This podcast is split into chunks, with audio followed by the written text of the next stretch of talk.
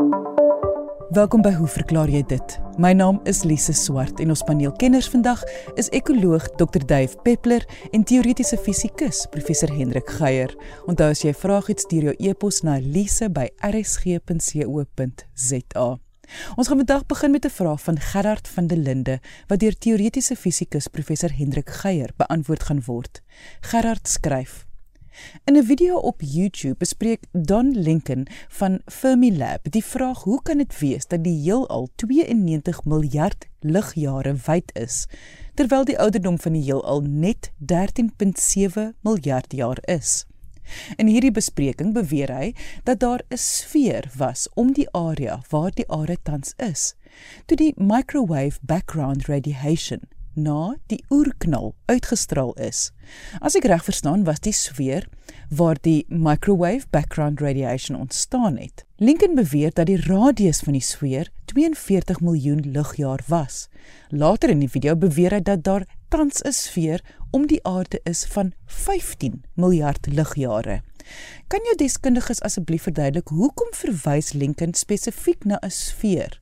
Hoe weet hulle dat die radius destyds 42 miljoen ligjaar was? En hoe kom hy by die syfer van 15 miljard ligjare uit? Lincoln noem ook in die verbygaan dat die lig van voorwerpe in 'n sfeer kleiner as 42 miljoen ligjaar reeds by die aarde verby is en ons kan hulle dus nie meer waarneem nie. Kan dit tog net geld as die voorwerpe nie meer bestaan nie of wat mis ek? Professor Geier? Die stelvraag wat Gerard weet het wat nou te maak het met die ontwikkeling van die heelal en wat 'n mens kan sê oor die ouderdom en 'n paar ander goed uh, is nie maklike vrae nie. Uh, dit vat nog 'n bietjie om jou kop om hierdie goed te kry, maar ek ek gaan my bes probeer. Wat ek miskien vroeg reeds kan sê is die spesifieke sfere waarna daar in die video verwys word en waaroor Gerard nou die vrae het. Uh is nie goed wat as dit ware 'n onafhanklike bestaan het nie. Dit is dit is dinge waaraan ons betekenis gee op 'n spesifieke manier. So kom ons begin net eers met 'n paar stellings wat wat in die video ook voorkom. Die eerste belangrike een is as ons na astronomiese voorwerpe in die ruimte kyk, sterre, sterrebondels, melkwegstelsels ensovoorts, dan kyk ons nie net na dinge wat ver weg is nie, maar ons kyk ook na dinge wat in die verlede bestaan het en gebeur het. En die rede hoekom 'n mens so moet sê is omdat die spoed van lig eindig is. So, as jy nou iets sien, dan sien jy nie die ding soos wat hy nou is nie, maar hoe hy was toe die lig uitgestraal is. Byvoorbeeld as 'n mens nou na die son kyk, dit vat lig omtrent 8 minute om van die son tot by die aarde aan te kom op aarde kom 'n mens natuurlik nie agter dat daar so 'n effek as ware 'n vertragingseffek is nie omdat ligspoed so enorm groot is 300 000 km per sekonde beteken 'n ligstraal sou byvoorbeeld 7 en 'n half keer om die aarde in 1 sekonde beweeg. So met ons gewone waarnemings van van tye en afstande speel hierdie nie 'n rol nie maar op die astronomiese skale waar ons met die konsep van 'n ligjaar werk, dit wil sê hoe ver lig in 'n jaar trek, 9,5 maal 10 tot die mag 12 km. En dit bring my nou weer by die ou storie van sê mens nou triljoen en wanneer sê jy biljoen en in miljard. Ek het dit tevore gesê en ek moet miskien nie te dik wil sê nie, maar ek is nie 'n vreeslike liefhebber van hierdie miljard storie nie, want die die Die literatuur wat oor sterrekunde gaan is natuurlik nie uitsluitlik in Engels nie, maar hoofsaaklik in Engels en dis waarna mense blootgestel word. En daarin het die konsep van 'n biljoen uh 'n spesifieke betekenis natuurlik 'n 1000 miljoen 10, 10 tot die mag 9 en in die woordeboek is dit 'n miljard, maar ek dink uh die vaskop om aan te dring daarop om die hele tyd van miljard in plaas van biljoen te praat uh, bring netlik net 'n klompie verwarring, maar dit nou daar gelaat. So, Nou kom ons by die kwessie van die ouderdom van die heelal. Nou dit word aangegee en is redelik goed bekend en akkuraat nou al aanvaar as 13,7 maal 10 tot die mag 9 jaar. Dit wil sê 13,7 biljoen jaar in my terminologie en 13,7 miljard jaar in WAT en HAT terme. Nou hoe weet ons dit? Wel, daar's ten minste twee maniere om om hierdie analise te doen. Die een het te maak met 'n detail legkaart wat berus op ons kennis van hoe sterre se lewensloop is. So 'n ster se lewensloop word bepaal deur sy massa wanneer hy vorm. As 'n ster uiteindelik gevorm het, het hy 'n spesifieke massa en van daardie af kan sy lewensloop baie akkuraat beskryf word. Dit het natuurlik jarelange studie en meting gekos, maar ons het baie goeie vertroue in ons vermoë om daardie lewensloop akkuraat uh, te beskryf. Wat 'n mens in die ruimte soms waarneem is goed wat bekend staan as bolvormige sterre swerms. So dit is groepe van van sterre waarvan 'n mens kan sê dat hulle min of meer op dieselfde tyd gevorm het. Uh, daar kan tot 100 000 sulke sterre in so 'n sterre swerm wees. Uh, nader aan huis is daar kleiner sterre swerms wat bekend is, uh, byvoorbeeld die Pleiades, die bekende sewe susters, te loop die nege helderste sterre is eintlik die sewe susters plus hulle ouers. Maar daar kry 'n mens omtrent van van die orde van 'n 1000 sterre wat saam saam in 'n sterre swerm gevorm het. Hulle is omtrent 440 ligjare weg. Nou, wat die situasie is met sommige van hierdie ver afgeleë sterre swerms is dat hulle bevat onder andere sterre wat bekend staan as die Cepheïde. Nou die sterre het 'n belangrike rol begin speel in in hoe sterrekundiges kom agterkom hoe ver 'n ster is. Natuurlik kan jy nie net kyk na die ster se helderheid nie, want hoe verder weg 'n ster is, hoe dowwer is hy. Tensy jy een of ander maatstaf het om absolute helderheid te bereken en dan te kyk hoe helder sien jy die ding en daarvan af af te lei hoe ver die ster is, uh is jy eintlik gesink. Maar wat wat die Amerikaanse sterrekundige met naam van Henrietta Leavitt hier in 1912 reg gekry het, was om vas te stel dat hierdie sogenaamde Cepheïde sterre 'n besondere eienskap het. Hulle liggewendheid varieer met 'n baie spesifieke periode en sy het agtergekom dat die periode en die absolute helderheid van die sterre direk met mekaar verband hou. Nou dit is natuurlik vasgestel deur eerstens te kyk na van hierdie Cepheïdes wat nader aan huis sigbaar was en bestudeer kon word en waarop meer tradisionele maniere teruggeval kon word om agter te kom hoe ver hulle is. So hierdie sogenaamde standaard kersse is met die tyd goed verstaan en as hulle nou in so sterre swerm voorkom, kan jy weet hoe ver is hierdie goed. Nou dit speel 'n belangrike rol want as 'n mens nou verder kyk na die samestelling van die sterre in die sterre swerm, dan staan 'n verspreiding van hulle, die wat meer massief is, die wat minder massief is ensovoorts ensovoorts. Die punt wat 'n mens nou kan maak is met al hierdie inligting kan jy op hierdie manier 'n redelike greep kry oor hoe oud so 'n sterreswerm is en die oudstes wat waargeneem is is ten minste 10 biljoen of 10 miljard jaar oud. En natuurlik kan 'n mens daarvan aflei dat die dat die heelal ouer as dit moet wees want sterre het eers 'n bietjie later in die bestaan van die heelal gevorm toe klontvorming onder onder gravitasie kans gekry het om sulke goed so sterre te laat vorm. So hier sit ons met 'n ondergrens. Nou verder word die ouderdom van die aarde grootliks bepaal deur kennis te neem daarvan dat die dat die heelal besig is om uit te dui. Dit is natuurlik die werk van Edwin Hubble wat agtergekom het dat ver af melkwegstelsels almal wegbeweeg van die aarde en dat hulle hoe verder weg vinniger beweeg. Ons het al tevore uitgewys daarvan kan mens nie aflei dat die aarde by die sentrum van die heelal is en alles van ons af weg beweeg nie. Wat veel eerder die situasie is, is dat die heelal in alle rigtings besig is om uit te dui teen min of meer 'n konstante tempo.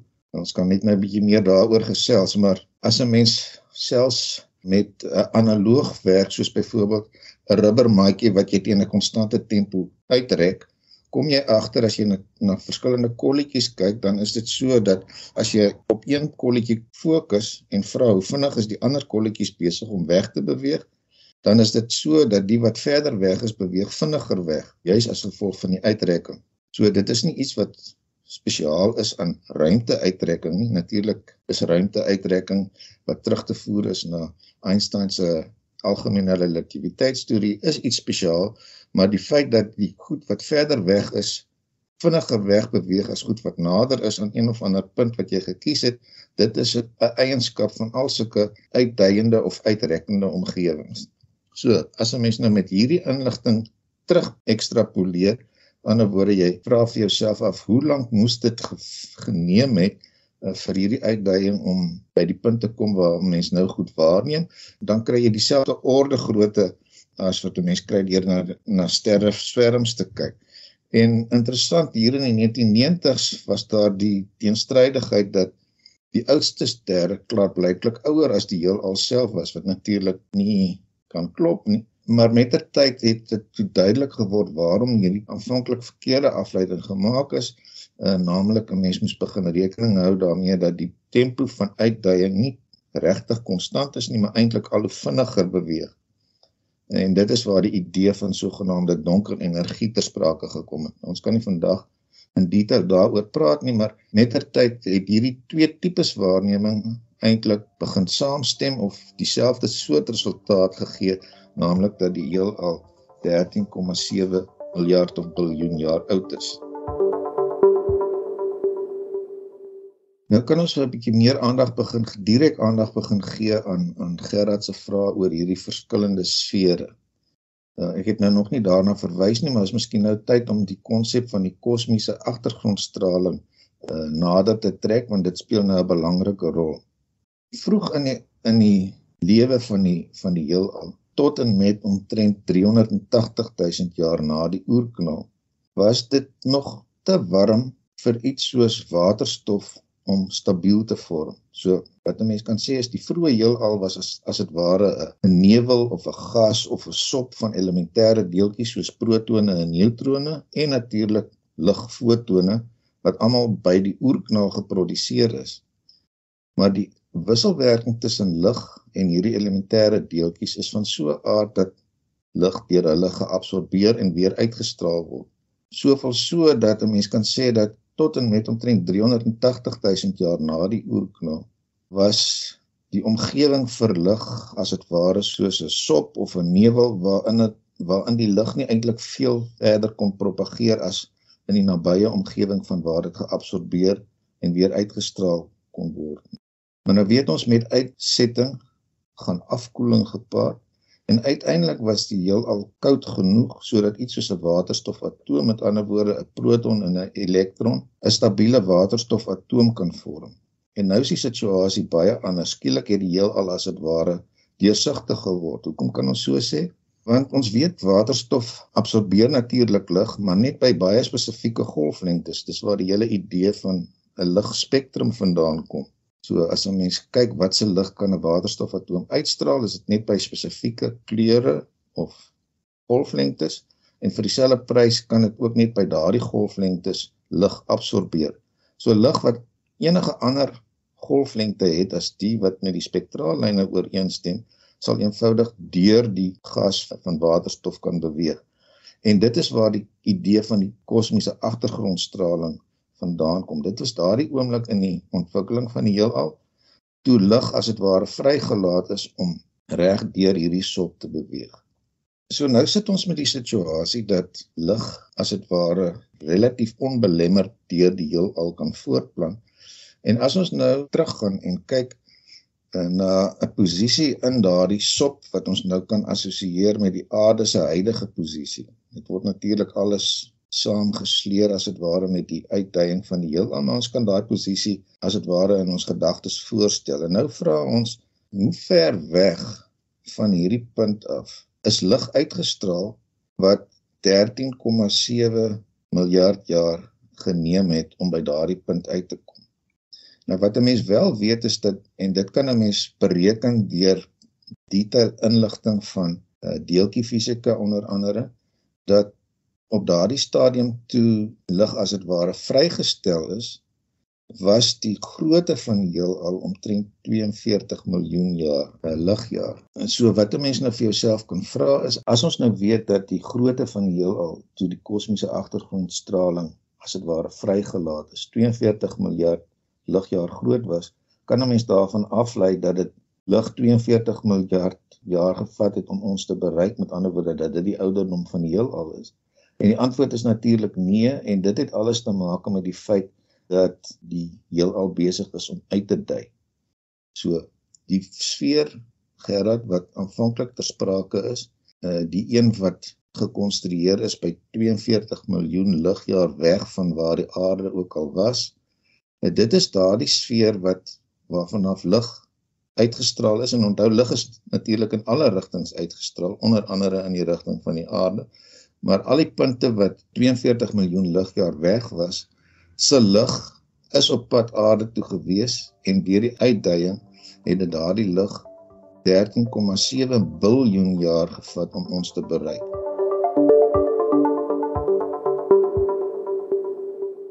Jy vra oor die feit dat daar 'n stelling is wat sê lig wat binne hierdie sfeer uitgestraal is al by ons verby is. Dit is natuurlik so omdat ons praat hier van die as dit ware van die oudste lig wat nog sigbaar is. Dit is met ander woorde die lig wat van die 42 miljoen ligjaar weg deur die uitdaging tans 13,7 biljoen ligjaar weg is. Terselfdertyd maak Lincoln die stelling dat daar dat jy kan dink aan 'n tweede sfeer wat tans 15 biljoen jaar weg van die aarde af is. En die stelling wat hy maak is dat enigiets buite hierdie sfeer nooit vir ons sigbaar sal wees as gevolg van die uitdaging van die heelal. So hier's net twee kontrasterende stellings of twee aanvullende stellings. Aan die een kant kan ons dinge sien so ver weg soos 46 biljoen ligjaar, maar ons sien goed soos wat hulle destyds was. As ons vra van wat kan ons sien wat nou sigbaar gaan word, dan is dit baie meer beperkend. Ons kan niks ons kan nie verwag om enigiets te sien wat nou verder as 15 biljoen jaar, 'n biljoen ligjaar van ons af is nie, want daardie lig sal as gevolg van die uitdaging net eenvoudig nooit by ons uitkom nie. Al is dit so dat daar kom ons gebruik nou maar weer die term min of meer konstante uitdaging is, is dit so dat voorwerpe verder weg vinniger weg beweeg. Dit verklaar natuurlik nou hoekom dit so kan wees dat goed uiteindelik ver genoeg weg is sodat hulle lig nooit by ons gaan uitkom nie. Op hierdie manier is daar omtrent 20000 sterre per sekonde wat as dit ware oor daardie horison verdwyn wat ons nooit in die toekoms sou kon waarneem nie. So Gerrit, ek dink die belangrike punt om te maak is dat hierdie verskillende sfere en 'n mens kan maar van sirkels ook praat, dit doen nie kwaad om aan hierdie goed tweedimensioneel te dink net om 'n prentjie te vorm. Daardie is goed wat gekonstrueer is en dan vra jy die lig wat op daardie stadium verste weg was, kan natuurlik nie verder as 42 miljoen ligjaar weg wees van waar die aarde ook al was nie. Hoe lank sou dit daardie lig gevat om ons te bereik of ons weet daardie lig bereik ons nou 13,7 biljoen jaar later en daaruit kan 'n mens aflei uh, hoe groot die heelal op hierdie stadium moet wees en dit is waar uiteindelik die 42 aangepas tot 46 miljard ligjaar radius oftewel 92 miljard ligjaar deursnit vandaan kom. So uh, ek is bevrees hierdie is een van daai goed wat mense soos ek in die verlede al gesê het maar 'n bietjie mooi stil in 'n hoekie moet gaan sit en bepeins. Uh, ek hoop die paar opmerkings wat ek hieroor kon maak Gerard gaan jou help om 'n duideliker prentjie te vorm van waaroor uh, Don Lincoln dit alles gehad het toe hy hierdie verskillende sfere beskryf het. En dit was teoretiese fisikus, professor Hendrik Geier. Indien jy 'n vraag het, stuur jou e-pos na lise@rsg.co.za. Stefan van Staden wil weet hoekom het party bokspesies se oeye of koeie horings en ander nie. Springbokoeye het horings, maar rooibokoeye nie. En hoekom is dit so? Ekoloog Dr. Dave Peppler gaan vir ons hierdie vraag beantwoord. Waarvan praat ons as ons van horings praat?